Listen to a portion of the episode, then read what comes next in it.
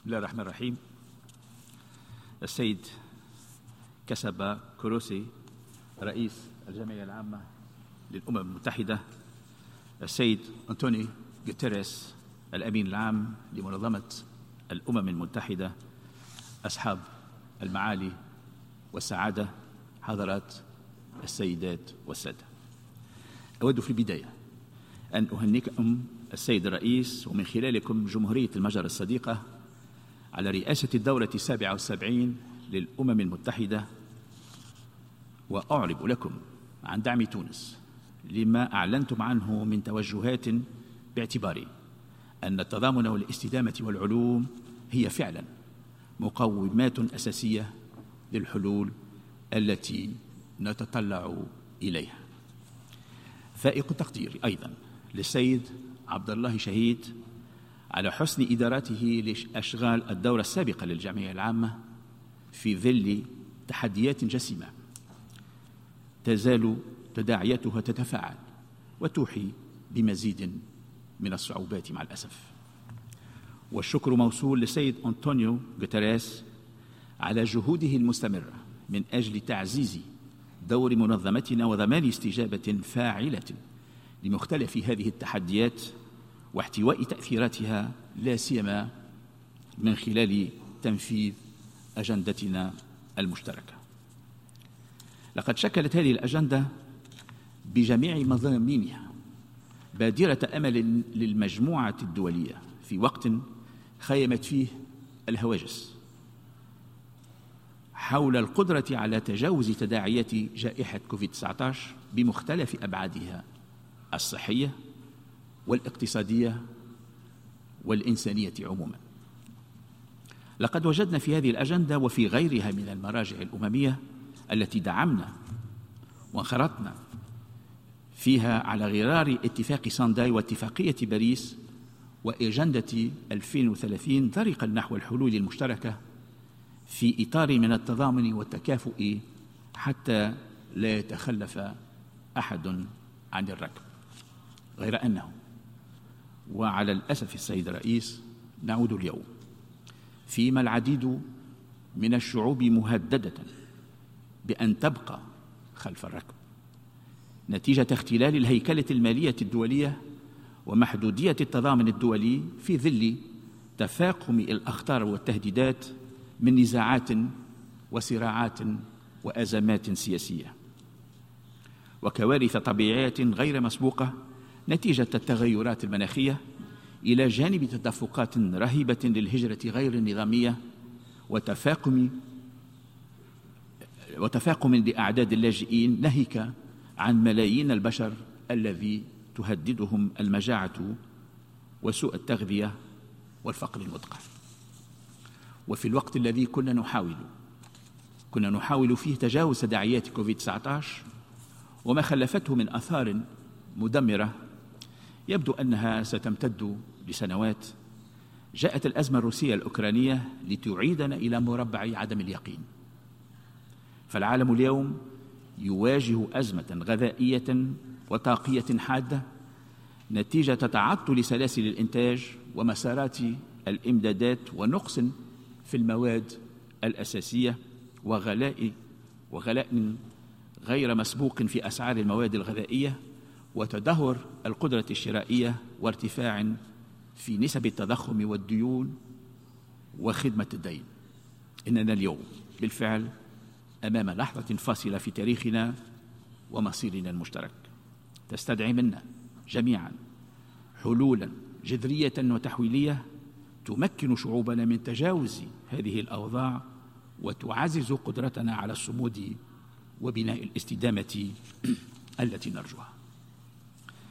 سيد رئيس حضرات السادة والسيدات إن شعوبنا تتطلع اليوم إلى هذه الدورة وتتساءل عما إذا كنا قادرين فعلا كمجموعة دولية على تنفيذ الحلول التحويلية وعما إذا كانت لدينا الإرادة السياسية لمعالجة الأزمات العالمية التي ما فتئت تتفاقم وتتراكم ففي كل دورة تنضاف قضايا جديدة لأخرى سابقة. فهل كنا نؤجل حلول اليوم لتصبح مشاكل الغد؟ وهل إننا فعلا متحملون لمسؤولياتنا إزاء مستقبل الأجيال القادمة؟ إن الحلول اليوم يجب أن تقينا أزمات الغد وهذه الحلول لا يمكن أن تصاغ ضمن سياسات ومقاربات تقليدية. وفي هذا السياق تؤكد تونس مرة أخرى على أن المعالجات الظرفية للقضايا لا تحلها جذريا وإنما هي مجرد مسكنات. فقد برهنت هذه المعالجات على مدى عشرات السنين عدم القدرة على تقديم الحلول الجذرية والناجعة لمختلف الأزمات والحاجة إلى سياسات جديدة قائمة على التضامن والعدالة وهو ما لمسناه في مقترحات تقرير الأمين العام برنامجنا المشترك. لقد أملت علينا أملت علينا تداعيات جائحة كوفيد 19 وتبعات الوضع في أوكرانيا ضرورة مراجعة هذه المقاربات حتى نتمكن من إنقاذ أهداف التنمية المستدامة 2030 قبل فوات الأوان. كما أشار إلى ذلك السيد الأمين العام. واسمحوا لي في هذا الإطار أن أؤكد على ما يلي.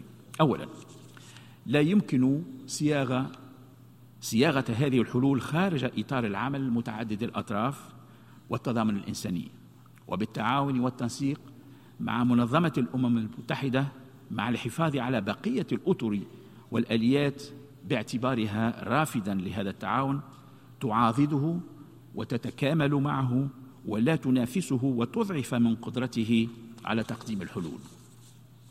وهذا ما أكدنا عليه مؤخرا في تونس بمناسبة احتضان بلادنا يومي 27 و 28 أوت 2022 للدورة الثامنة لندوة طوكيو الدولية للتنمية في أفريقيا تيكاد ثمانية حيث كانت مناسبة لطرح عديد القضايا الموجودة اليوم على جدول أعمالنا في علاقة بكيفية تحقيق التنمية المستدامة وفق مقاربات تتكامل فيها الأبعاد الاقتصادية والأمنية والإنسانية.